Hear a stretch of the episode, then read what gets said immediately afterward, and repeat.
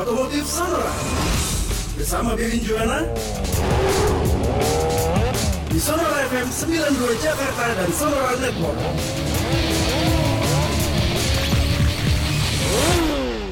Sonora Part of Kaki Radio Network. Selamat pagi sahabat Sonora di mana pun Anda berada. Yang berada di Jakarta, di Surabaya, di Jogja, Palembang, Bangka Kemudian juga Bali, Surabaya, Bandung Dan juga di kota-kota lainnya. Mudah-mudahan kabar Anda semuanya kabar sehat, kabar baik Dan juga selamat berakhir pekan Di hari ke-29 di bulan Mei 2021 Weekend sudah di hari Sabtu di Jakarta pagi menjelang siang ini cuacanya lebih cenderung mendung-mendung berawan gitu sih dari pagi sampai sekarang. Ini aktivitasnya juga banyak yang mulai pada keluar rumah gitu kan apalagi kalau weekend kebanyakan juga untuk berolahraga. Nah, narasumber kita yang satu ini juga apakah habis olahraga sepedaan? Saya sudah tersambung bersama Pak Bebin. Selamat pagi Pak Bebin. Pagi. Kabar sehat? Sehat. Mantap. Eh, Pak Bebin kok suaranya mantul ya? Masa sih? Nah, yang sekarang udah enggak. Oke. Mantap. Pak Bebin di rumah ini? Di rumah. Nggak sepedaan? Saya sejak Januari, jadi sejak 2021, Uh-huh. eh, menggantung sepeda saya. Wah. Karena melihat situasi di jalan, nggak berani saya. Kenapa Pak Bebin? Terlalu crowded. Pesepeda atau yang menggunakan kendaraan Yang bermesin? sepeda. Ah. Yang sepeda begitu banyak, Aha. eh, apa yang berlalu lalang di Tamrin Sudirman, kemudian protokol kesehatannya rendah sekali, Mhm. Eh, yang naik sepeda sebagian besar tidak memakai masker Oke. Dan ya kalau masih bergerombol dalam kelompoknya saja kan masih ya mau dibilang oke juga risiko di kelompok itu dah Mm-mm. klaster itu gitu ya Mm. klaster bergerak lagi Hmm. Eh, namun kan bersepeda itu kan tidak ini eh, tidak melulu hanya bergerak maksudnya berputar-putar dari apa bundaran Senayan terus sampai bundaran eh, HI lanjut ke bundaran BI Mm-mm. tapi kan ada titik kumpul, terus mungkin istirahat sejenak, terus ada acara ngobrolnya, terus ada foto-fotoan selfie. Eh-eh. Kan maskernya nggak pernah dipakai. Iya, ngap alasannya. Kalau yang bawa masker, Hmm. sometimes kan kita nggak ngeliat maskernya ditaruh mana sama dia. Iya. Gitu kan? Ada masker yang dipelorotin, ada masker yang taruh di sikut, kan macam-macam kan gayanya kan? Eh-eh. itu mem- membuat saya tidak berani bersepeda. Hmm. Jadi saya memang sudah berusaha menahan diri selama lima bulan, eh, sedang berpikir keras ini saya apa pada akhirnya boleh bersepeda di mana sih gitu. Boleh dalam dalam pengertian yang yang aman gitu ya. Mm-mm. Jadi sementara ya saya pakai masker ya jalan pagi. Berusaha untuk eh, jalan tidak terlalu pelan karena toh juga di atas 30 menit juga akan eh, berkeringat gitu ya. Mhm. Eh, dikatakan jalan pagi juga tidak terlalu pagi karena berusaha juga untuk mendapatkan sinar matahari Mm-mm. Gitu ya dan berusaha untuk eh, berjalan di tempat terbuka bukan tempat yang teduh gitu. Namun eh, kembali kalau bicara eh, Tamrin Sudirman kemarin saya mencoba jalan di Tamrin dari Sarinah menuju Bundaran HI ya sudah sudah eh, apa eh, lumayan lah gitu ya ketimbang kondisi trotoar yang dulu sekarang kan sebagian sudah sudah oke gitu sudah cukup lega gitu tapi kalau kita bicara trotoar yang dari itu gedung apa sih dari BNI 46 Mm-mm.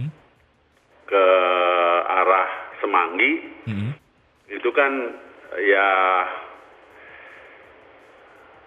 gimana mesti menyampaikannya ya ya mengelus dada lah Kenapa Mengelus Pak? dadanya begini trotoar itu kan setahu saya buat pejalan kaki walaupun di beberapa tempat saya melihat ada gambar sepeda.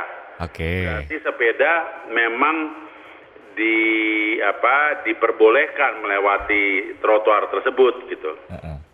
Tetapi kan trotoar tersebut kalau kita jalan agak pagi kita akan melihat begitu banyak kotoran itu yang yang meng- yang membuat saya mengelus dada. Mhm. Kok bisa ya eh, mengatakan penduduk ibu kota tetapi eh, kelakuannya seperti yang di hutan gitu ya. Hmm, Di hutan aja rasanya nggak pantas-pantas amat buang sampah ke mana-mana gitu. Ini di tengah kota, di tengah eh, apa jalan protokol kan. Sudirman kan jalan utama, jalan Betul. protokolnya ibu kota gitu ya. Betul. Tapi kalau melihat sampahnya, yang paling banyak gelas bekas kopi. Oh iya, benar. Ya kita nggak nggak heran karena kopi tumpahnya juga berjajaran nggak karuan-karuan gitu ya. Saya katakan tidak heran karena kan banyak pedagang kopi Kalau malam terutama ya. Eh, malam dan pagi. Kopi itu kopi yang sepeda, tahu Ah, dong? ah, ah, tahu tahu sama sasietan rencengan itu kan. Ya, yang rencengan. Terus yang eh, membuat apa eh, mengelus dada lagi. Mhm. Itu gedung apa sih? Gedung asuransi ya, Taspen apa apa ya? Gedung apa sih itu? Yang pertama gitu ya. Mhm. Terus di sebelahnya ada Keyai. Dulu sih namanya Keo, sekarang Keo Plaza dulu, sekarang Keia, Keia kalau nggak salah, bukan O lagi. Mhm. itu kan ada kantornya Daikin, saya lihat Mitsubishi gitu. eh yang ngantor di situ, kalau naik Grab dari arah BNI 46, maka naik Grab atau Gojek akan motornya akan ngelawan arus di jalan protokol di atas trotoar. Dosanya lang- rangkap berapa hitung sendiri, Double double. ya kan? Dan nggak ada rasa bersalah. Itu bisa Grab, bisa Gojek, bisa juga eh, suaminya. Hmm. Karena saya kenapa saya katakan suaminya begitu turun cium tangan sih? Oke. Ya kalau suami orang masa cium Iya tangan. masa iya. Eh, itu yang yang membuat ya ampun begini amat gitu kan. Mhm. Jadi ada yang berdagang eh, apa kopi, sepeda, terus sampahnya berceceran, terus ada ibu-ibu yang kelihatannya menca- menu, apa, mencari nafkah di trotoar itu juga, jualan jajan pasar dan eh, mungkin makanan buat orang sarapan kali ya karena ini. Dan kenapa saya sebutkan dua gedung tadi, eh, saya ungkit karena juga menyebabkan bus-bus yang datang dari Ciawi, Cibubur, eh, Pasar Minggu itu berhenti tidak di halte. Asal Lengkap berhenti gitu. Ya persis di depan pintu lah. Haltenya kan ada di depannya Menara Asra. Heeh. Ada di depannya ini, tapi dia minta turunnya persis depan pintu. Seperti naik kendaraan pribadi. Hebat kan? Belum lagi eh, taksi online Ah, iya. yang ditelepon mungkin eh, ada yang lembur atau gimana gitu kan. Itu ada yang berhenti juga. Jadi tumpang tindih lah, udah nggak karu-karuan lah. Iya. Nah, yang yang menarik sekarang ini kan dibuatkan jalur sepeda. Saya nggak tahu menghabiskan berapa M Hmm.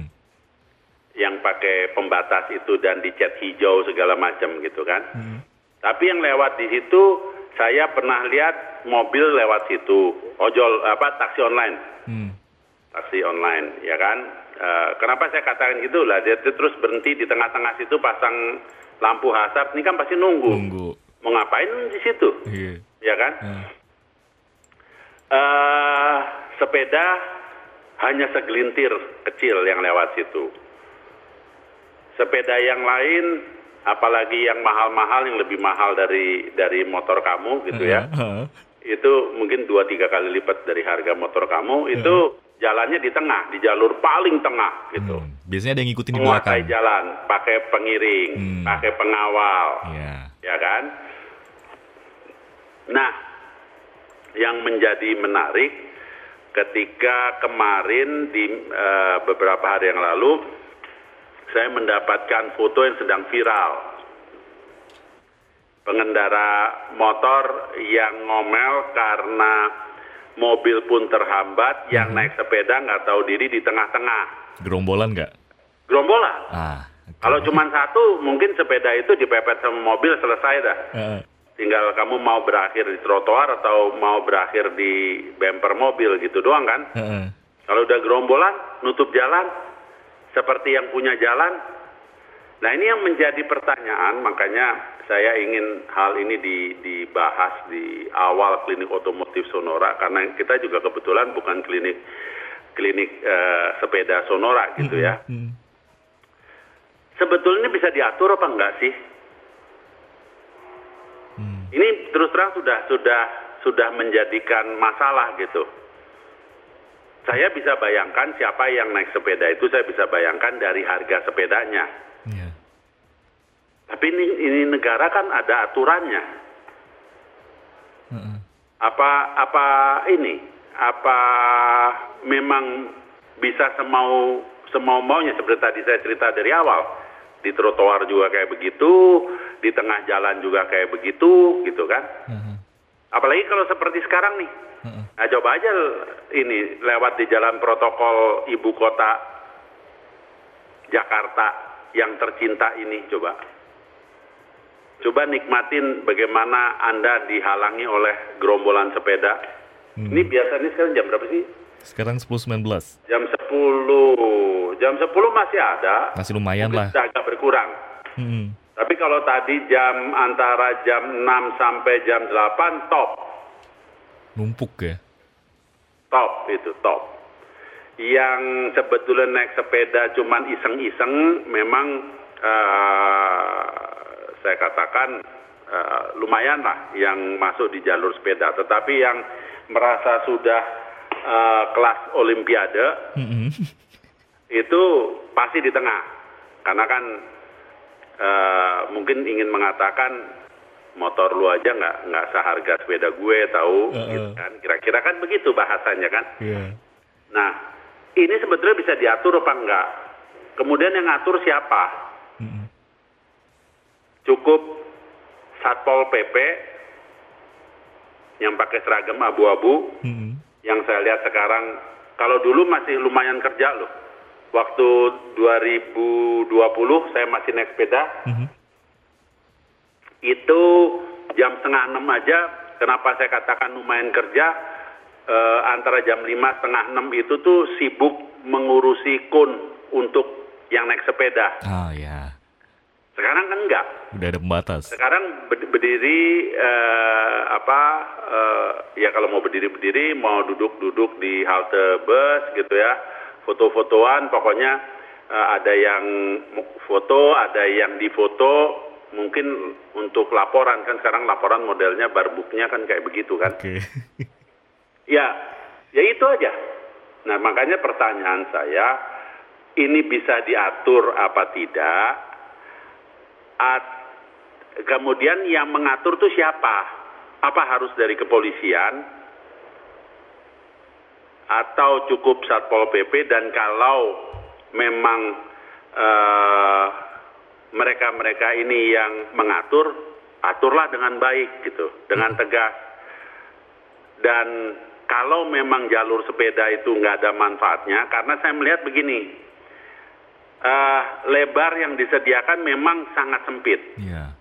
Sa- sebagai saya eh, dulu naik sepeda, saya bisa membayangkan bahwa jalur itu sangat sempit. Artinya dua sepeda berpapasan itu misalnya mendahului, Mhm. itu tuh eh, apa eh, cukup apa sekedar cukup lah, bukan bukan eh, apa lenggang gitu ya, bukan cukup lebar gitu ya. Sementara gerombolan high speed ini kan nam- saya kita nyebutnya aja udah gerombolan gitu. Iya. Artinya kan udah lebih dari 10. Mhm.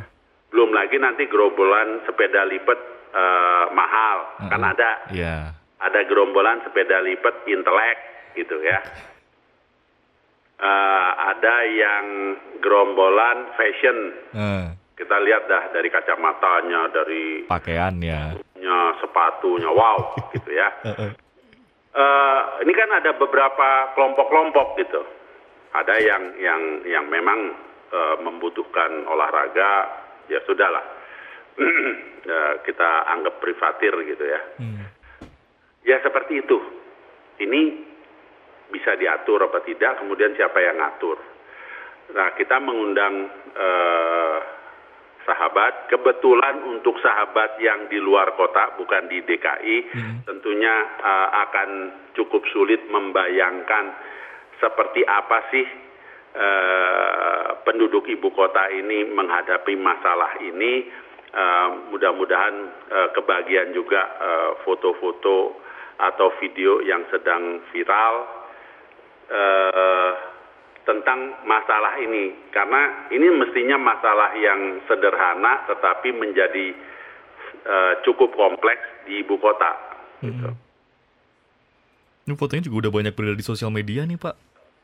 Ya, uh, karena kemarin pun sebetulnya dari kemarin hmm. uh, Jumat itu jam berapa ya? Jam 11 lewat itu uh, apa? Saya melihat uh, potongan antara apa namanya dari Sarinah menuju bundaran uh, Bank Indonesia dan terus ke arah istana itu hmm. sepedanya jam 11 siang aja masih masih sangat banyak gitu. Iya. Dan itu sudah menyita satu satu jalur sendiri. Apalagi kalau weekend. seperti itu. Kalau weekend gitu nongkrongnya di trotoar sampai siang tuh Pak. Saya pulang setengah satu aja masih ada yang nongkrong-nongkrong pakai sepeda. Justru itu, justru itu. Dan kamu jangan lihat nongkrongnya. Uh. Yang biasa saya lakukan adalah saya mencoba berhitung berapa maskernya. Ah iya. Berapa yang maskeran, berapa yang tidak. Uh. Terus tempat kumpul, titik kumpul lagi ya itu stasiun bandara Oh iya, pada foto-foto juga kan kebanyakan di situ. Nah, ini yang luar biasa. Luar biasa padatnya. Dan kolong yang sekarang sebetulnya buat pejalan kaki. Hmm. Tapi yang naik sepeda juga merasa berhak. Jadi naik sepeda di situ uh, tidak dituntun gitu ya. Kok feeling saya mestinya apa saya yang kuno, hmm. mestinya sih dituntun di situ, bukan di, dinaikin gitu sepedanya, bukan dikendarai gitu ya. Terus kalau turun dari sepeda, ya foto-fotoan dah. Iya. Ya kan?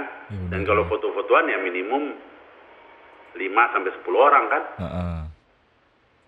Dicopot lagi ya, maskernya. Ya, ya seperti ya, copot semua. Maskernya pasti copot semua. Ya seperti itulah kondisi sekarang ini. Jadi uh, buat sahabat yang kebetulan memang tinggal di Jakarta dan sudah secara langsung ingin berkomentar, ingin memberikan pendapatnya, uh, silahkan. Mudah-mudahan Sonora bisa menyampaikan ke pihak-pihak yang berwenang agar segera, segera ditertibkan gitu. Hmm supaya tidak apa ya tidak membuat masyarakat galau. Kan korban sudah ada. Ingat yang ditabrak di bundaran HI oh, iya iya. Benar benar benar ya kan? Uh, uh. yang ditabrak di bundaran HI apakah perlu korban-korban lanjutan sebelum merasa uh, apa uh, merasa un, apa pantas untuk tertib. Atau gimana gitu loh. Katanya ibu kota, ya kan? Tinggal masing-masing pribadi sih sebetulnya Pak. Nah ini saya yang tidak bisa mengerti gitu. Kalau dibilang kota sepeda, Amsterdam, Rotterdam, uh, dan beberapa kota uh, di Belanda, Belgia maupun Jerman itu kan memang memang apa uh, sedang menggiatkan untuk bersepeda, mm. gitu ya. Mm. Tetapi uh, keteraturannya, disiplinnya kan harus kita kita apa tiru gitu. Iya. Jangan eh, apa dengan dengan dalih ingin sehat gitu, Mm-mm. tapi mengorbankan pemakai jalan yang lain gitu karena eh, ada apa foto tentang pengendara yang ngomel sama eh, apa Pesepeda. eh, pesepeda itu kan eh, sampai diberi komentar masa yang bayar pajak kalah sama yang nggak bayar pajak Oke. yang naik motor yang naik mobil itu kan bayar pajak jalan Heeh. STNK kan sepeda kan waktu zaman Belanda dikasih peneng. Yang ada pajaknya berarti kan. Kalau ada peneng kan ada pajak ya. Iya. sekarang mana ada penengnya?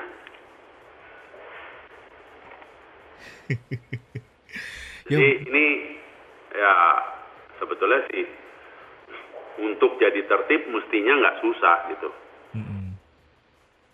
Tinggal kembali dan ke saya heran apakah memang harus apa dalam hal ini penegakan hukum harus demikian sakleknya harus demikian tegasnya baru bisa diatur atau ya bisa mengatur dirinya sendiri gitu dengan saling menghargai sesama pemakai jalan gitu dulu deh Oke. Eh, kita apa eh, Kita break dulu. buka Hmm. eh, saluran telepon. Kalau mau ini tolong disampaikan aja. Mau lewat WA juga boleh. Mau lewat apa juga boleh. Disampaikan ke studio. Eh, ya kita bahas apakah oh mungkin ada yang nanti eh, apa sahabat klinik otomotif Sonora mengatakan ah si Bebina aja tuh yang Parno gitu. Ya kan? Yang galau gitu. Atau gimana? Silakan. Kita kita terbuka aja Nah, saya lihat ini udah sudah jadi masalah serius sih betul betul. Jadi silakan nih sahabat Snor juga. Ini sebenarnya ada beberapa pendapat juga dari sahabat Snor yang udah masuk sih ini Pak Bebin Ah. soal pesepeda. setelah tanda waktu kita bahas Sepakat. Kita break dulu. Untuk yang lain silahkan ya sahabat Snora bisa langsung ke 0812 112 9200 bisa berpendapat atau ada pertanyaan seputar otomotif kami tunggu. Kalau mau on air nanti bisa langsung dengan tanda kurung on air kami tunggu juga. Silahkan masih di Klinik Otomotif Sonora edisi 29 Mei 2021 sampai nanti pukul 12 siang kami segera kembali.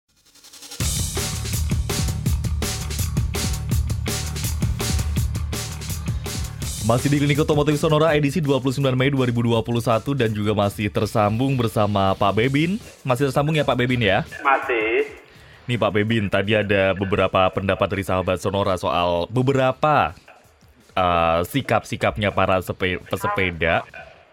Ini ada Pak Iwan Setiawan di Jakarta. Ini pesepeda udah jal udah salah, banyak yang bela. Ini bisa dari ini ya, dari teman-teman komunitasnya gitu ya. Terus ini juga ada yang selanjutnya. Eh sebentar. Dari Pak Mark. Om Bebin bisa pakai bike roller agar bisa seperti naik sepeda normal masih pakai dua roda sambil nonton Giro di Italia 2021 Pak Bebin.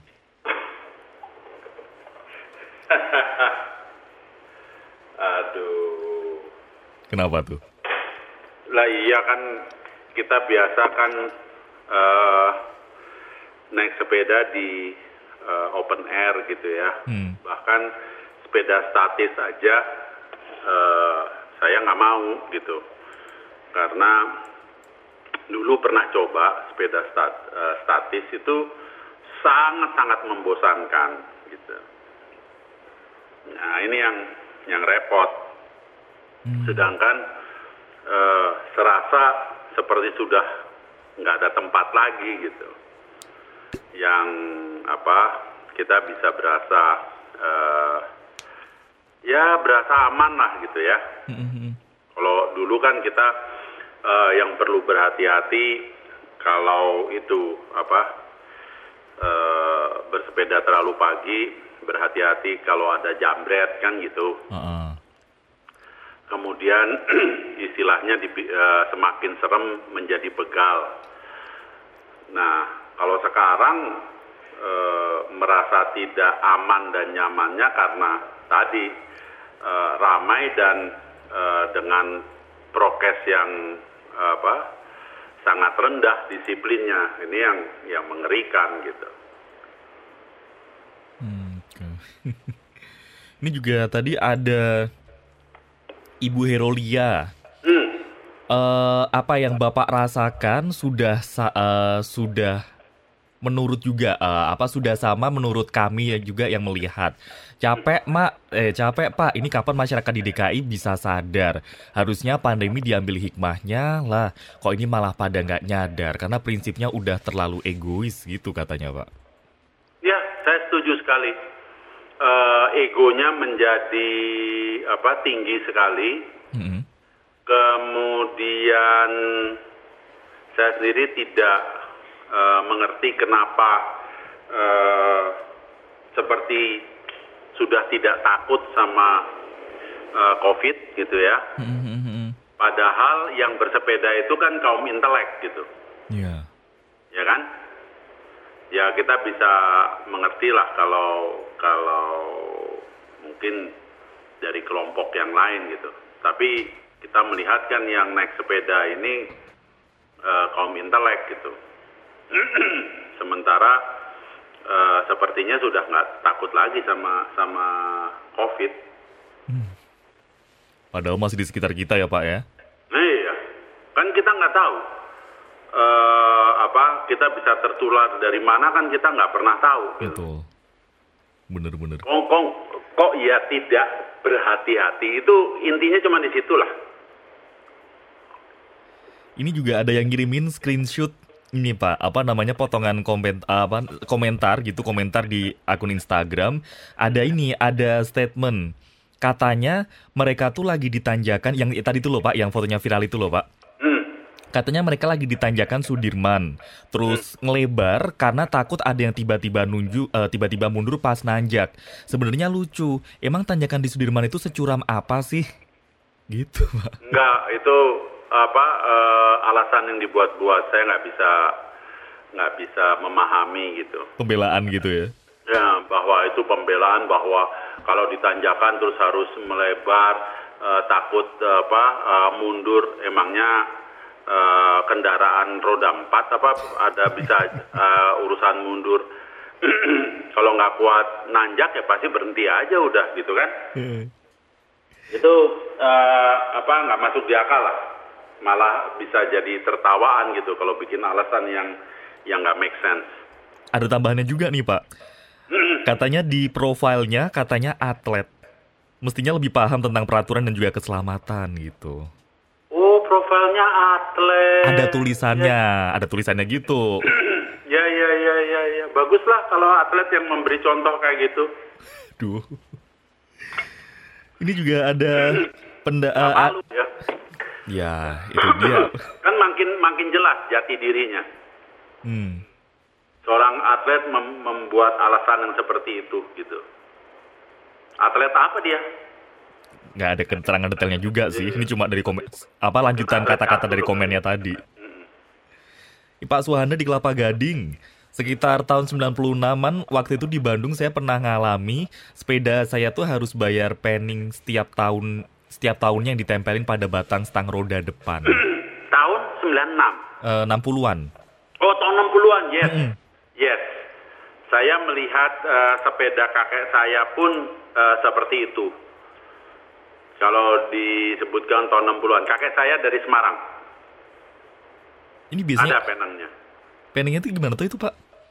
Penang ya bukti bahwa kita sudah membayar pajak sepeda itu. Hmm. Sekarang udah nggak berlaku beginian lagi sih ya. Mana ada mana ada yang ngurus sih. Waduh. Pantesan tadi sampai ada itu ya, apa namanya masa yang bayar pajak kalah sama yang nggak bayar gitu. Hmm. Kan sampai sampai ada ungkapan itu. Hmm. Kalau sepeda dipajakin gitu lagi gimana ya Pak Webin ya? Nah, ini yang apa? Ya sebetulnya kita mesti belajar lah ini mungkin agak menyimpang bahwa e, tata administrasi dulu di zaman Belanda itu kan sangat tertib. Hmm. E, kamu mungkin juga tidak tidak apa tidak mengalami yang namanya TV bayar pajak kan? Enggak, belum. Nah iya. Dulu TVRI itu bayar, kita bayar pajak ke TVRI tahun 60-an. Udah gambarnya nggak bagus, hitam putih, bayar pajak. Tiap tiap bulan itu bayar. Ini juga Pak Boni. Kalau ngelihat pengendara sepeda di Sudirman Tamrin dan juga sekitarnya itu prihatin karena nggak mau minggir. Ternyata jadi ini ya dari apa namanya sikap beberapa orang malah jadi kecap semuanya ya Pak Bebin ya. Hmm. Memang di klakson sih budek aja. Cuek gitu. Mm-mm. Terus ini ada Vanda di Pondok Kopi. Kalau saya pikir sekarang orang intelek, eh tapi kayak OKB, orang kaya baru, nggak mau disenggol dikit. Benar, itu juga benar. Ya. Kemudian Pak Wahyu di Rawamangun, sebenarnya untuk membentuk disiplin masyarakat itu ada tahapannya Pak Bebin. Harus dimulai dari pemerintah. Nah tahapannya itu adalah perlu. Dari dipaksa menjadi terpaksa, dari terpaksa menjadi biasa. Nah, pemerintah yang mulai dan nggak bisa selalu komen tergantung pribadi masing-masing. Ya, kalau dipikir ya, Hmm. eh, memberikan contoh itu kan sebetulnya kan ini kan apa? Seperti yang saya ceritakan ketika saya di Australia, eh, polisi tetap kendaraan kendaraan jelas itu kendaraan eh, dinas polisi gitu ya. Tetapi kalau tidak sedang dalam tugas yang membutuhkan dia apa eh, minta jalan, kan sirene segala tidak dihidupkan gitu, Hmm. ya kan? Sirene tidak dihidupkan, lampu-lampu tandanya juga dimatikan dan mengikuti kecepat ketentuan kecepatan dan tertib gitu ya. Kalau di kita kan enggak. Coba lihat. Begitu pakai apa? pengawalan kan sebetulnya ketika melewati jalan kan punya hak yang sama pemakai jalan yang lain gitu. Tapi kan dia tidak. Kalau pakai pengawalan berarti di lampu merah boleh nyelonong. Nanti ada aja kan mobil di belakangnya yang ingin ingin mencicipi menikmati eh, apa fasilitasi pejabat itu gitu kan. Terus nempel kan. Oke. Pura-pura seperti bagian dari rombongan pasang hasar kan gitu. Hmm. Begitu jalan super padat masuk ke jalur busway. Busway sedang turun apa Transjakarta sedang menurunkan atau menaikkan penumpang dipasang sirene nonstop biar cepat-cepat bergerak kan seperti itu kan? Karena pejabat eh, apa kata lainnya adalah penguasa kan gitu kan? Ya yang berkuasa kan jadinya kan? Itu yang yang yang ingin ditonjolkan. Karena memberi contoh seperti itu makanya banyak motor yang ikut masuk ke jalur busway kan. Sampai berani masuk ke jalur busway dari arah yang berlawanan. Itu kan udah saya nggak bisa mengerti gitu. Kalau orang seperti itu bisa punya maksudnya ma- bisa terus punya SIM. Kalau di luar mana bisa kayak gitu sudah nggak bisa mengendarai lagi. Berarti di negara juga kalau mau mau diambil harus dengan surat keputusan pengadilan atau kendaraannya. Nggak bisa damai di yang jaga lapangan. Kan beda. Penegakannya kan beda. negara-negara luar tuh ketat-ketat banget berarti ya Pak Bebin ya? Ketat banget. Polisi sedang, tidak sedang dalam pengejaran lampu merah ya berhentilah. Nggak usah pasang lampu. Di sini kan nggak ada nggak hujan nggak angin, cuman supirnya doang juga bisa pasang lampu biru. Hmm. Lampu biru yang kedip-kedip kan dihidupin kan? Iya. Karena sudah biasa kalau sama bosnya pencet tonton-tonton, ya dia ikut tonton-tonton aja kan. Dan tadi, pejabat eh, identik dengan penguasa yang berkuasa gitu kan, Hmm. termasuk yang berkuasa di jalanan.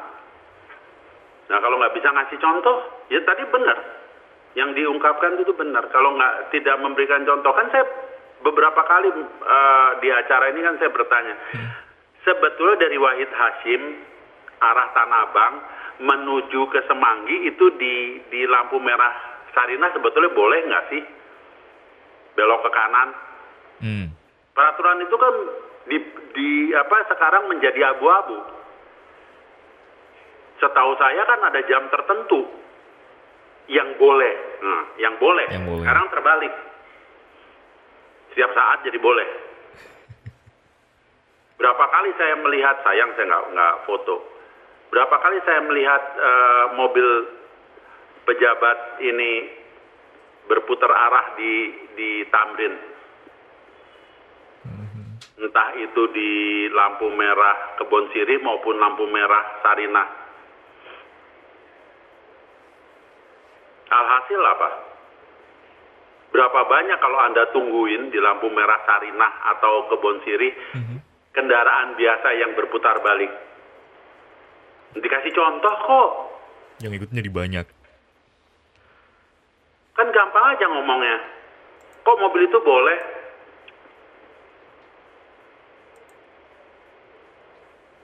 Karena diberi contoh. Kalau tidak bisa memberi contoh yang baik ya hasilnya seperti itu.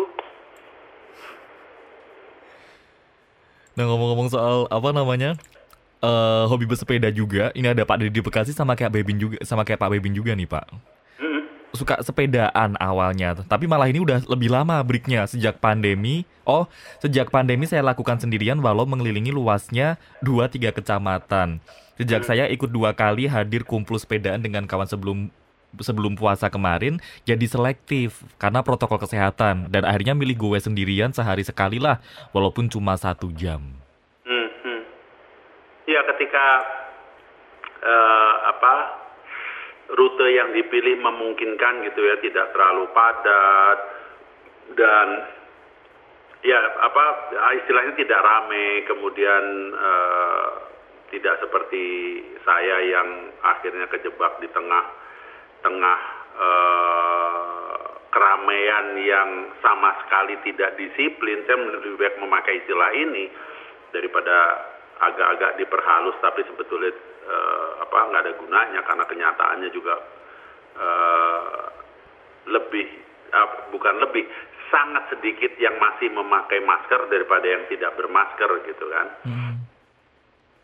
Ya akhirnya kan kita yang ingin cari aman lebih baik yang ini kan istilahnya kan kalau di Jawa kan ada istilah yang waras yang ngalah gitu kan.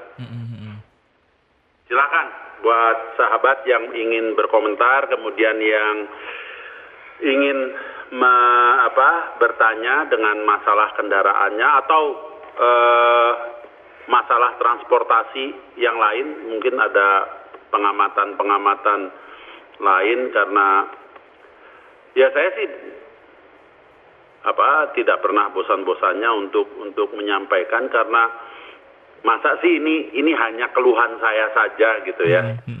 Apakah eh, apa eh, pemakai jalan yang lain tidak tidak sependapat atau mungkin punya pendapat yang lain gitu. Karena saya lihat kok makin hari makin ulahnya makin apa keterlaluan gitu Makin beragam, makin berani Iya. gitu ya. Mm-mm. Jadi seperti seperti mendapatkan pembenaran. Ini kan salah dong kalau begini. Ini Pak Wanto di Depok juga cerita, dulu tuh saya suka banget yang namanya sepedaan. Bahkan tiap saya ke kantor pun saya milih sepedaan. Cuma karena sekarang banyak banget yang sepedaan, kemudian juga banyak yang apa namanya nggak taat. Saya udah deh milih pakai transportasi umum. Ada yang mundur juga malahan Pak akhirnya. Ya, ya. Saya kira nggak nggak apa tidak saya tidak sendirilah, tidak sendirian lah yang pada akhirnya eh, mengambil keputusan ini. Ya seperti tadi saya katakan yang waras yang ngalah lah. Ya kita cuma mau lihat aja yang yang apa berlaku berkelakuan seperti ini mau tadinya saya pikir uh, untuk kurun waktu yang yang apa ya yang tidak terus menerus gitu loh mm -hmm.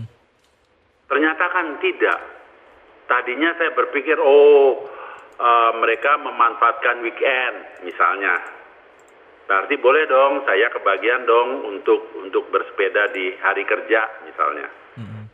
ternyata enggak Senin sampai ketemu Senin lagi sama makin banyak yang pakai.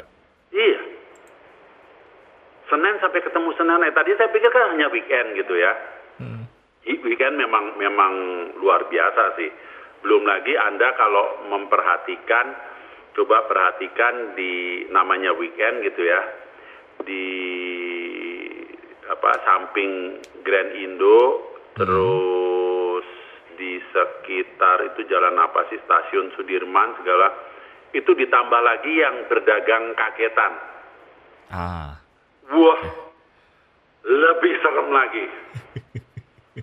lebih serem lagi karena apa berkerumunnya uh, apa masyarakat kan semakin ini gitu. Saya dalam hati ini nggak ada takutnya ya itu satu. Hmm. Terus petugas di, di apa di sana ya mungkin memang memang sudah uh, apa tidak berani menertibkan gitu karena kalah banyak sama yang sama yang apa? Sepedanya, yang sama masyarakat yang bersepeda yang berjualan. Coba deh. Anda weekend di samping di jalan di samping itu uh, minggu pagi gitu ya. Hmm. antara Grand Indo dengan Plaza Indo. Lihat aja. Jangankan weekend pak. nggak bisa lewat kok. Jangankan weekend ini Karena sekarang. yang berdagang segala, bukan yang berdagang. Itu ada ada tambahan lagi. yang sepeda, yang bersepeda, terus yang bergerombol segala macam gitu kita tanda kutip sudah mengerikan gitu ya. Mm-hmm. Tambah lagi yang ber, berdagang. Mm. Ini kalau sudah kayak begini kan udah jadi masalah sosial kan. Yeah. Ini juga ada pendapat dari Pak Harwi.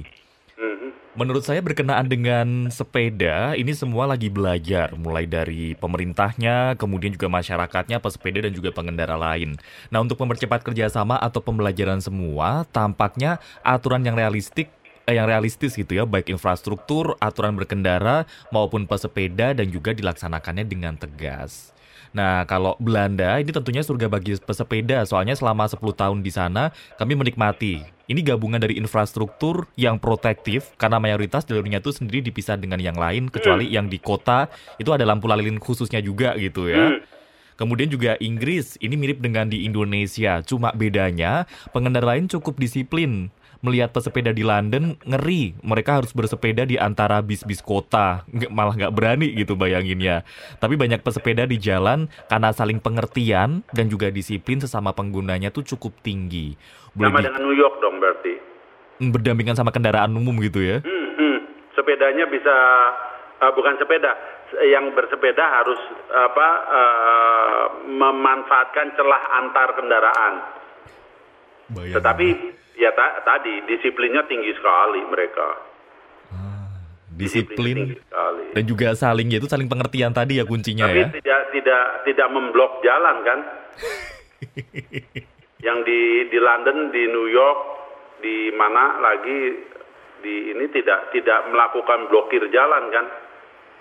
Artinya menghargai juga pemakai jalan yang lain, bukan gue mau tetap di sini lu mau apa kan kira-kira kan gitu kan bahasa bahasa sederhananya. Betul. Iya. Ini Pak Levi di Bekasi komentar gini, mereka pesepedanya sehat, saya pengendara mobilnya jantungan. Hmm. Nah iya, sekarang gini, yang naik sepeda kalau sampai bikin kesalahan apa pun gitu ya, hmm. terus nyenggol mobil, yang disalahin pasti kan mobilnya. Yang gede. Iya, always sudah. Entah itu polisi, entah pasti mobil yang disalahin duluan. Oke. Baik, Pak Bebin, nanti kita lanjut lagi di jam okay. kedua. Dan juga partisipasi Anda masih bisa langsung Anda sampaikan sahabat Sonora. Silahkan kalau ada pertanyaan dari seputar dunia otomotif apa pun, terutama dari kendaraan Anda kalau ada permasalahan boleh disampaikan ke 0812 112 9200 atau kalau mau on air nanti dikasih keterangan dalam kurung on air ya. Kami tunggu tetap bersama kami di Klinik Otomotif. Pukul 11 lewat 11 waktu Indonesia Barat, Klinik Otomotif kembali menemani Anda dan selamat bergabung untuk Anda yang baru saja tune in di Sonora Part of KG Radio Network. Pak Bebin, ini ada beberapa pertanyaan, kita bahas satu-satu. Mm -hmm. Yang pertama Pak Bebin ada dari Pak Randy. Pak Bebin, mesin mobil saya itu overhead dan juga overheat. Overheat, sorry. overheat mobilnya itu overheat dan mekanik mengatakan kalau ini dikarenakan kerusakan gasket silinder head dan oli mesinnya itu tidak bercampur dengan air radiator. Nah, tetapi bukankah kalau gasket silinder head rusak, oli mesin bakal kecampur dengan air radiator ya, Pak ya? Hmm. Iya. Nah, terus? Nah, pertanyaannya itu sih, ini entah mau memastikan atau gimana ini.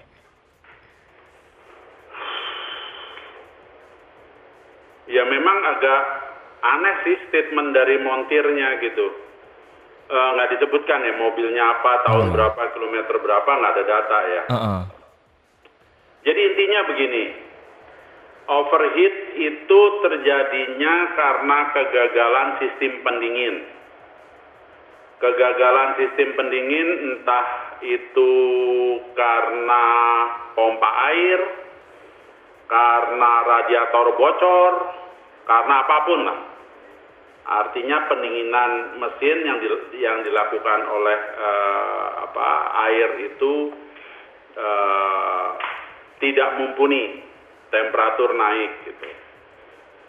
Memang bisa saja ada kasus bahwa uh, terjadi overheat, jadi temperatur sudah melebihi batas, tetapi tidak sampai air tercampur uh, tercampur oli gitu. Hmm. Uh, overheat itu memang ditandai bahwa uh, biasanya dulu-dulu itu ada bagian yang rusak atau uh, karena tingginya temperatur itu sampai apa silinder headnya melengkung gitu ya istilahnya melengkung jangan dibayangkan seperti plastik yang melengkung tetapi uh, sudah tidak rata lagi sehingga uh, yaitu yang umum adalah air bercampur dengan uh, oli. Hmm.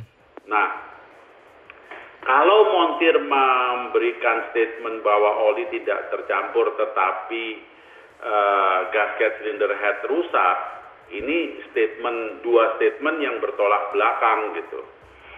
Yang pada saatnya dibuka sebetulnya akan bisa terlihat masalahnya nih apa sih kegagalan dari uh, sistem pendingin dalam hal ini uh, air radiator hmm.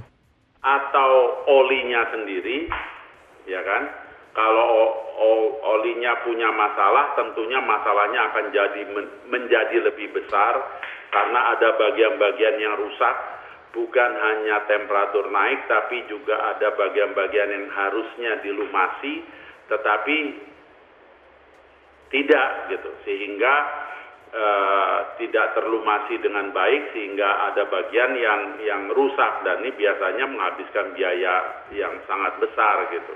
Hmm. Uh, ya kalau sudah difonis bahwa ini ya pastinya kan nggak mungkin di, uh, dikatakan oh ini ganti packing cylinder head urusan selesai gitu. Uh, saya nggak percaya bisa bisa apa bisa seperti itu uh, karena uh, urusan uh, apa overheat ini akan disertai dengan uh, ini juga suara mesin menjadi kasar dan dan sulit sekali mengembalikan uh, apa mesin seperti sedia kala itu akan sulit sekali dari dari apa yang saya alami, yang sudah pernah saya alami sih nggak kembali loh. Oh, oh. Tapi yang penting perlu kepastian lah sebetulnya uh, apa apa yang terjadi gitu. Heeh. dan apa saja korbannya itu udah nggak nggak bisa eh, apa eh, dilihat hanya sepotong oh nih pak saya buka aja silinder, apa eh, cylinder headnya nanti saya ganti packingnya udah beres kok nggak ada masalah. Nah, saya nggak percaya itu. Jadi harus didalami apa saja kerusakan yang ditimbulkan akibat kejadian ini itu harus harus A sampai Z-nya harus lengkap memang akan uh, sakit mendengarnya, Hmm. gitu. lebih sakit lagi untuk membiayainya, tetapi uh, ya itu mesti di- dihadapi gitu. Oke. Ya bener sih. Kesimpulannya Pak Bebin tadi mending didalamin daripada makin nambah ekstra cost-nya ya. Nah, nanti, oh ini udah beres pak, begitu anda terima, kok suaranya begini ya, kok begitu ya, kok mesin nggak ada tenaga ya, jadi banyak koknya terus eh, kenapa kok eh, biasanya misalnya jarum temperatur di bawah setengah kenapa sekarang di atas setengah dan sebagainya gitu? Eh, penyimpangan-penyimpangan yang yang anda tidak dapatkan jawaban itu kan lebih menyakitkan. Udah keluar uang gitu ya Eh, pulih juga enggak Heeh, heeh. bawa apa masih membawa penyakit-penyakit bawaan lainnya gitu lebih nggak karuan istilahnya kan gitu Oke. oke Selanjutnya ini dari Pak Anton. Eh, Pak Bebin, mobil saya tuh Matic ditaruh di carport yang kondisi yang ini ya, apa namanya medannya tuh agak menurun. Ya. Apakah boleh waktu diparkir saya taruh di posisi P tanpa rem tangan dan tanpa diganjel bannya? Sedangkan mobilnya tuh jalannya seminggu sekali atau dua kali aja Pak Bebin. apa yang anda lak- pertanyakan itulah yang saya lakukan Oh, jadi carport saya juga tidak datar miring gitu ya. Eh, sama saya memakai kendaraannya juga seminggu paling sekali heeh. ya kan? Paling banter dua kali dipakainya. Kemudian sa- sama saya tidak berani eh, memakai rem parkir. Sama saya hanya mengandalkan P tanpa ganjel. Jadi itu apa yang anda tanyakan itulah yang saya lakukan dengan kendaraan saya jadi nggak usah khawatir Jawabannya sangat nggak apa-apa berarti ya. saya juga begitu Kemudian ini dari Bangka ada Pak Sarwoko. Pak Bebin, saya tuh punya R3 GX manual 2014. Pemakaiannya 140.000 km, perawatannya berkala, berkala, selalu diberes tiap 5.000 km. Saya juga puas dengan kinerja mobil. Cuma ada sedikit masalah Pak Bebin. apa tuh Yang pertama, sering kali walaupun nggak selalu, pas mau melaju dari lambat ke kencang, dari awalnya berhenti dengan mesin mati, terdengar suara dentingan. Kadang agak keras, kadang samar-samar, kurang lebih 3-4 kali kayak logam dibenturkan ke logam lain gitu Pak. Kayak tiang listrik besi dipukul dengan besi. Nah, pihak beres nggak bisa memberikan penjelasannya yang jelas. Cuma belakangan saya mendapatkan jawaban kalau ini sistem eh, ini suara dari sistem ABS. Yang mau saya tanya, apakah semua mobil ABS seperti ini tidak bisa dijawab dengan jelas juga? Kira-kira suara apa itu, Pak Bukan Bebin? ABS kalau saya saya apa sama saya juga apa hanya nebak-nebak gitu ya. Hmm, Eh, kenapa juga eh, supervisornya bengkel tidak tidak bersama-sama dengan pemilik kendaraan eh, mendengarkan suaranya supaya supaya yang dimaksud pemilik kendaraan itu ditangkap oleh ini. Tetapi eh, karena tadi dikatakan bahwa performa tidak ada kendala dan sebagainya, saya kok merasa sepertinya nih urusan rem, bukan ABS, bukan ABS remnya. terlalu jauh ke ABS, urusan rem gitu. Eh, coba deh eh, apa minta ke montirnya untuk waktu next service gitu ya. Mhm. Kan katanya tiap 5000 di service gitu. Mhm. Next service eh, dilakukan eh, service dari rem. Servis rem dalam arti rem keempat roda dilepaskan, dibersihkan, diperiksa. Eh, sekalian kalau udah sudah ada brake pads yang tipis, ada brake shoe yang yang kelihatannya tidak tipis tapi eh, mengeras gitu ya, ya itu diganti. Kem- sekaligus memeriksa karet-karet dari kaliper, karet-karet dari master rem bawahnya termasuk yang saya ingin pertanyakan masalah terakhir ini kan katanya tadi 130 ribu kilo kan Serat, eh, 140 ribu. 100 berapa? 140 ribu. 140 ribu ya udah Ah. pokok di atas 100 ribu kan Heeh. terakhir tuh ganti minyak rem kapan Ah. ya eh coba ganti ganti minyak rem lagi ini kan ini is- istilahnya gini yang ingin saya lakukan adalah eh, servis besar rem Oke. dentingan itu saya menangkapnya seperti terlambatnya rem melepaskan. Paham ya? Mhm, mhm, mhm. Terakhir injek remnya kapan gitu ya, ketika mau bergerak katanya ada bunyi dentingan gitu. Itu ya paling tidak saya ingin memastikan di 140 ribu kilo, kalaupun tidak ada apa-apa jangan Anda, ya saya keluar uang percuma. Nggak ada yang percuma. Tidak ada kata-kata percuma di sini. Karena rem itu eh, adalah safety gitu ya. Mhm. Eh, penting sekali. Kalaupun tidak ditemukan hal-hal yang aneh dalam arti, oh eh, kalipernya nggak macet, masternya nggak macet, tidak ada re- apa yang rembes itu ya kita bersyukurlah. Artinya tidak ada masalah gitu ya. Dan minyak rem sudah dikuras semua, sudah eh, sekarang minyaknya itu juga sama gitu. Karena kan dengan 140 ribu itu kan saya juga berpikir juga terhadap master atas misalnya. Master atasnya seperti apa. Kalau rem tidak ada masalah nanti kita pikir yang lain karena karena bisa aja dentingan misalnya dari eh, kaleng penutup eh, apa exhaust eh, exhaust manifold misalnya. Exhaust manifoldnya temperaturnya cepat cepat naik gitu kan kalengnya belum.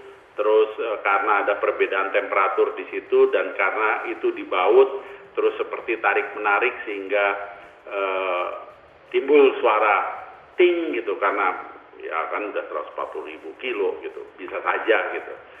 Jadi eh, saya melihat hal yang penting dulu Hmm. yang penting dan dan sangat vital yaitu rem. Saya ingin memastikan di 140 ribu kilo itu fungsi rem termasuk rem tangan itu eh, bekerja dengan sempurna. Bukan hanya baik, tapi sempurna. Rem tangan misalnya ditarik, Mhm. diturunkan. Ini kalau ada di Carlis kan kita bisa lihat gerakan di dari kolong gerakan mekanismenya rem eh, parkir itu kan bisa bisa kita lihat gitu.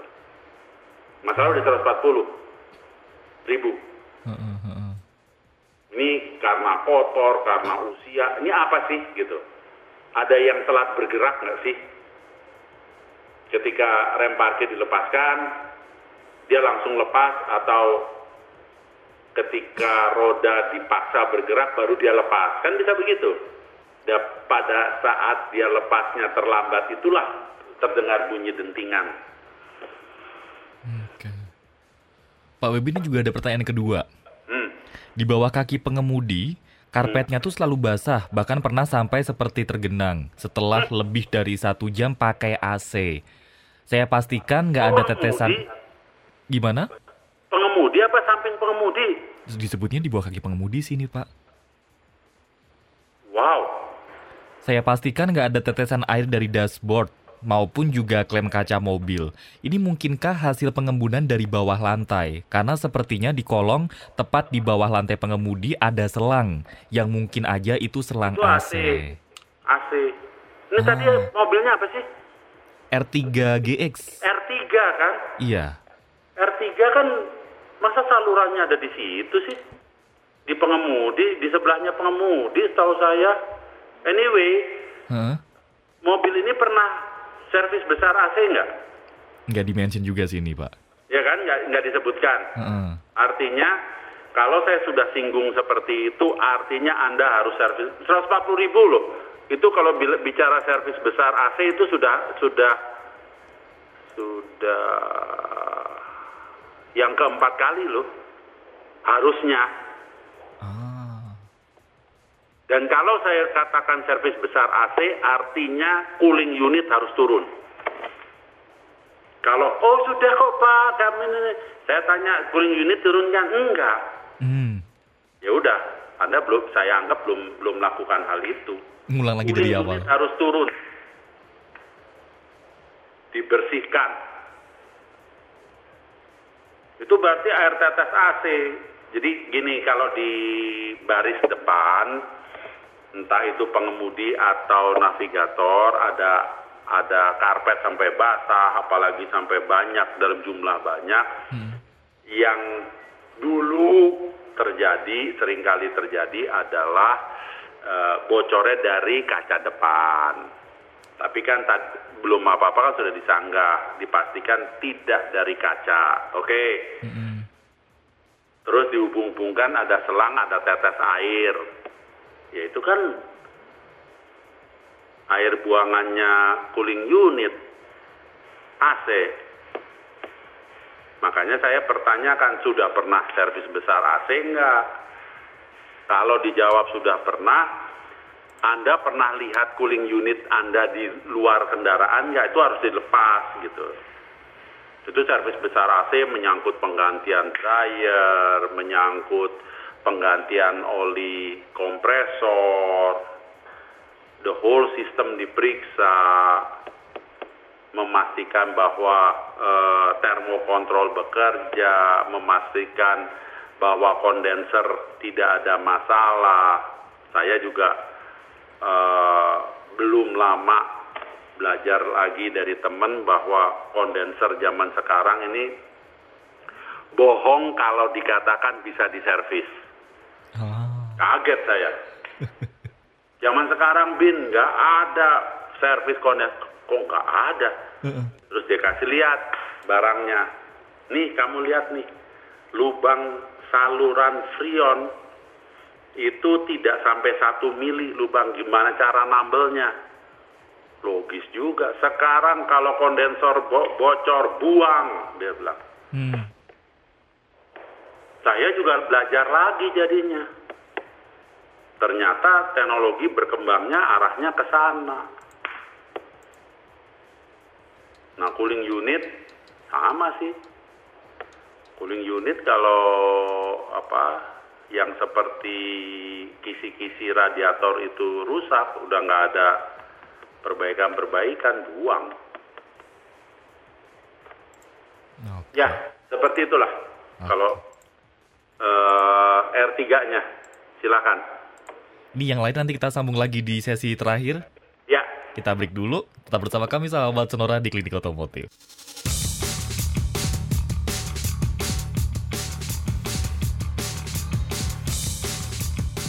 Kita lanjut lagi Klinik Otomotif Sonora di sesi terakhir. Sekarang sudah pukul 11 lewat 42 waktu Indonesia Barat. Dan terima kasih ya untuk Anda yang sudah bergabung. Pak Bebin, kita lanjut lagi Pak Bebin. ya. Ada pertanyaan dari Grey di Tangerang Selatan.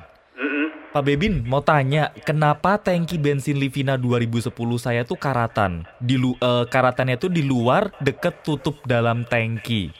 Apakah Deket tutup. dalam tangki? Mm-mm. Apakah bensin pertama itu bisa bikin karatan tangki bensin mobilnya, Pak?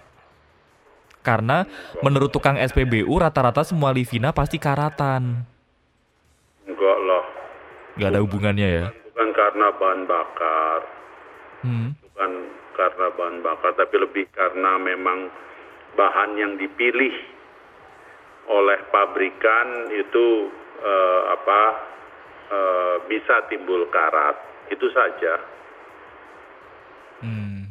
Dan uh, kalau hanya sekedar apa kelihatan warna kecoklatan nggak apa-apa tidak apa abaikan saja nggak perlu ini tapi kalau memang kelihatan karat yang serius sampai cenderung wah ini sebentar lagi lubang nih gitu ya hmm.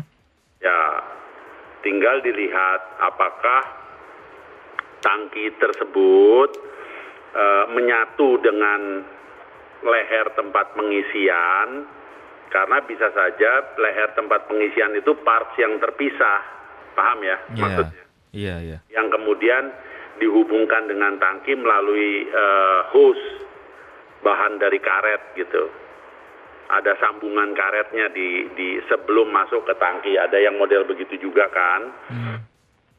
Nah ini kan apa yang kita tidak pahami gitu. Nah tinggal dilihat aja sampai di sampai di mana e, karat tersebut? Apakah memang perlu apa e, sangat mengkhawatirkan atau ya artinya kan e, mobil lain juga ada kok yang leher pengisiannya kecoklat-coklatan e, seperti awal sebuah e, proses terjadinya karat. Di, dilihat saja.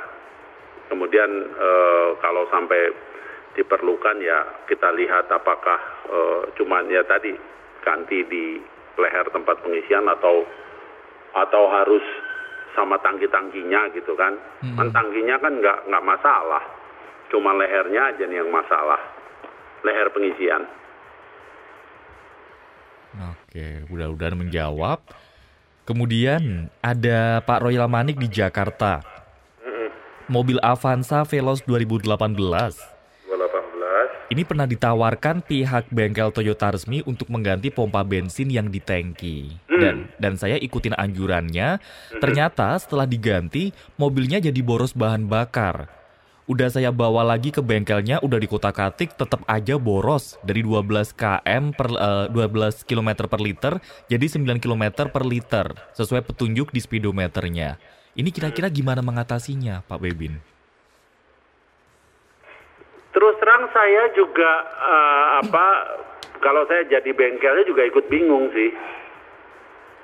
Karena pompa itu kan uh, apa dikatakan boros tidak bo, uh, menja, mm, apa menyebabkan borosnya juga uh, sulit diterima nalar saya gitu loh. Mm -hmm.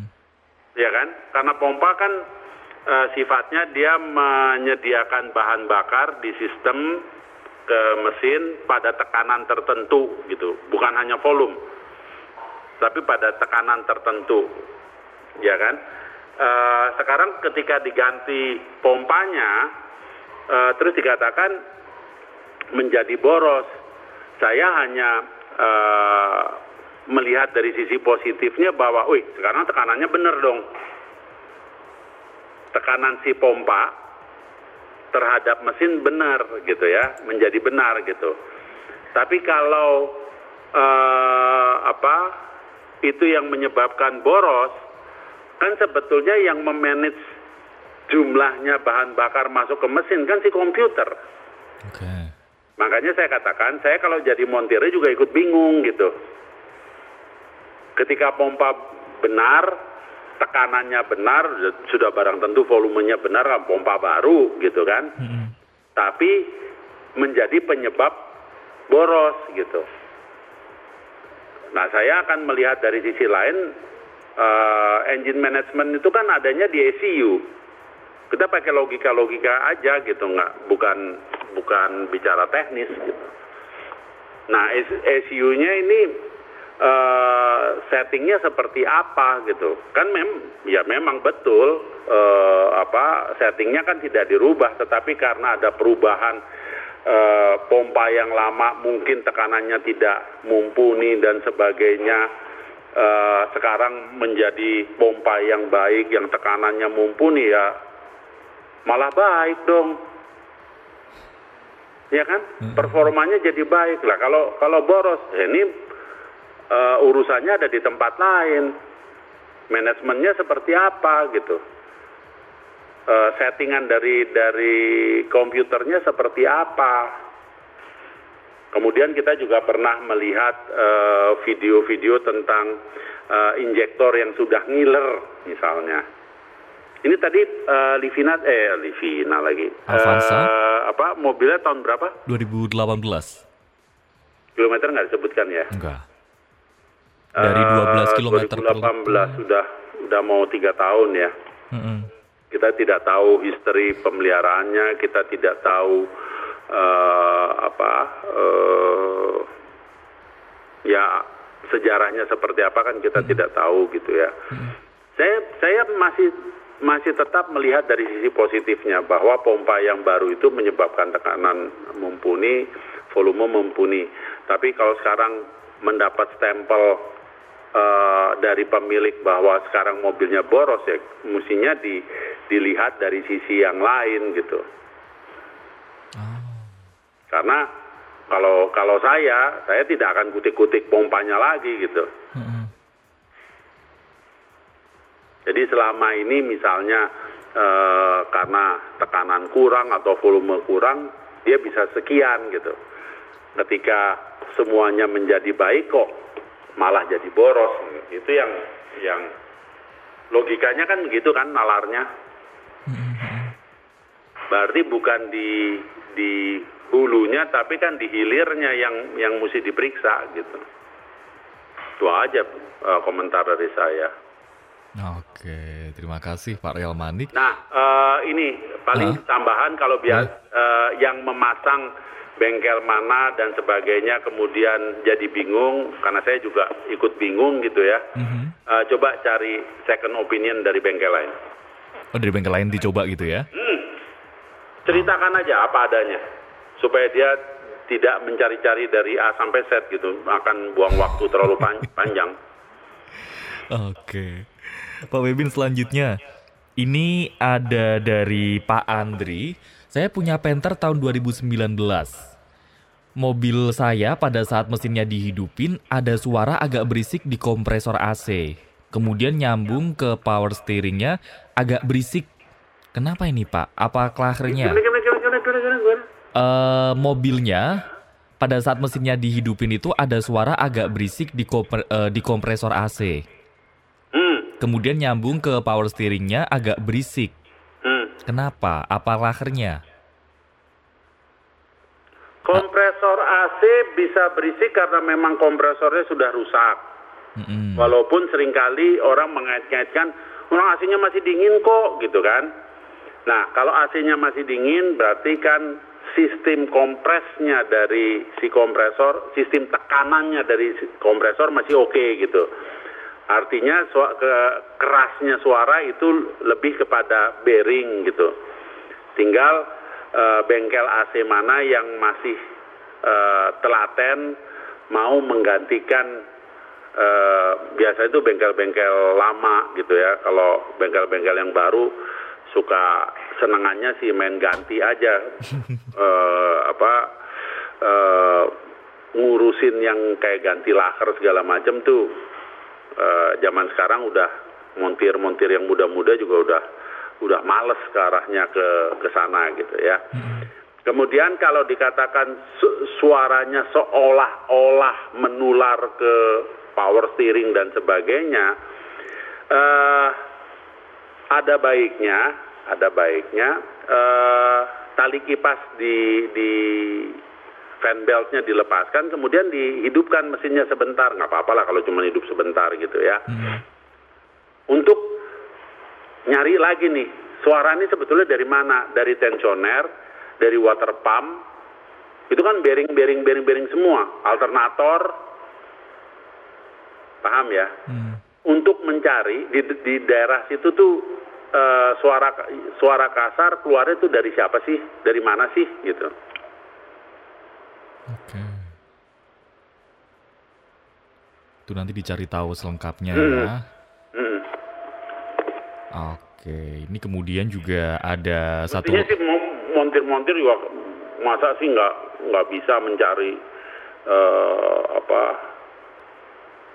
penyebab suara yang seperti itu gitu. Mm-mm. Berapa minggu yang lalu ada temen juga uh, mempertanyakan itu bahkan uh, sudah memfonis uh, apa water pump. Saya bilang jangan buru-buru fonis water pump ah. Masa nyari suara begitu aja nggak? Itu kan tidak sulit-sulit amat. Kalau cuma tensioner kan sayang ini dibongkar itu diganti. Tensioner cuma berapa harganya? Gampang lagi bongkar pasangnya. Oke. hmm. Satu pertanyaan lagi ya Pak Bebin. ya Eh dari Pak Mark, saya pakai R3 GXMT tahun 2014. Pertanyaannya, ini di sebelah mana kaca atau glass check untuk cek kondisi kelembapan refrigeran atau pipa pendingin AC? Dulu saya pakai Panther ada glass checknya, kelihatan ada kondensi atau tetesan air yang udah waktunya servis AC. kilometernya berapa Nggak disebut.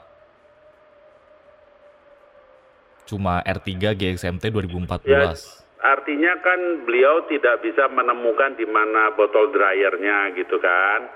Karena eh, dulu waktu zaman Panther ngelihat gelas dari yang di atasnya botol dryer gitu.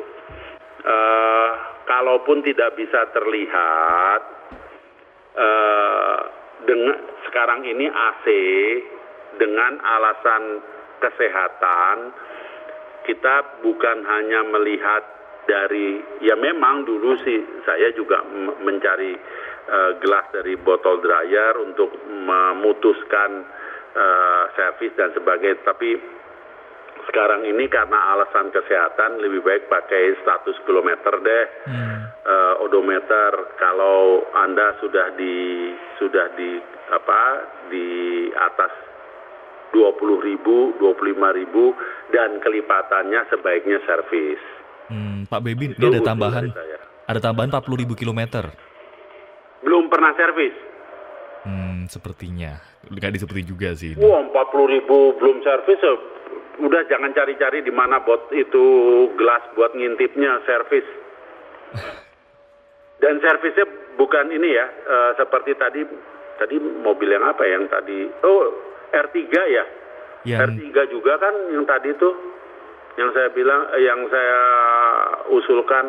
Itu servis besar tuh eh, apa eh, cooling unit kondensernya eh, apa di dicabut hmm, dikeluarkan dibersihkan.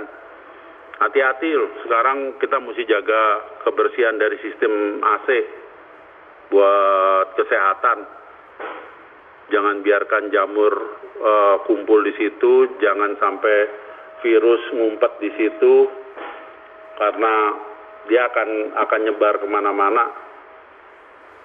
Udahlah kalau 40 ribu servis lah Jang- ini iya belum, dryer juga diganti. belum diservis katanya Pak. Oh makanya udah servis servis. servis. jangan jangan jangan tunggu lagi jangan buang waktu. Oke. Nah ini mudah-mudahan juga tadi apa yang disampaikan Pak Bebin menjawab buat semua sahabat Sonora. Kita ketemu lagi minggu depan ya Pak Bebin. Oke.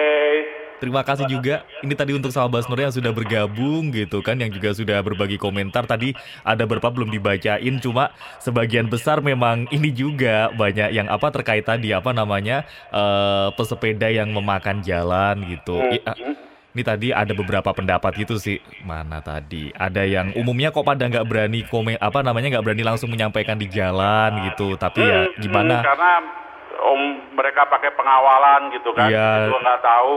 Katanya daripada debat gitu. Hmm.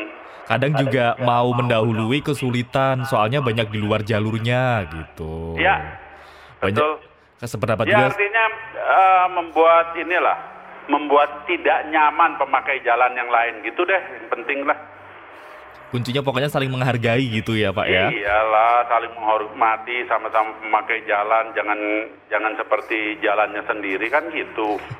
Tapi kan ini tidak, nah berarti kan harus ditertibkan gitu toh. Eh, betul betul betul. Oke. Kita ketemu minggu depan lagi Pak Bibin salam sehat. Oke, salam sehat buat sahabat klinik otomotif Sonora. Kita akan jumpa lagi minggu depan. Kami pamit dulu sahabat Sonora. Terima kasih, selamat siang.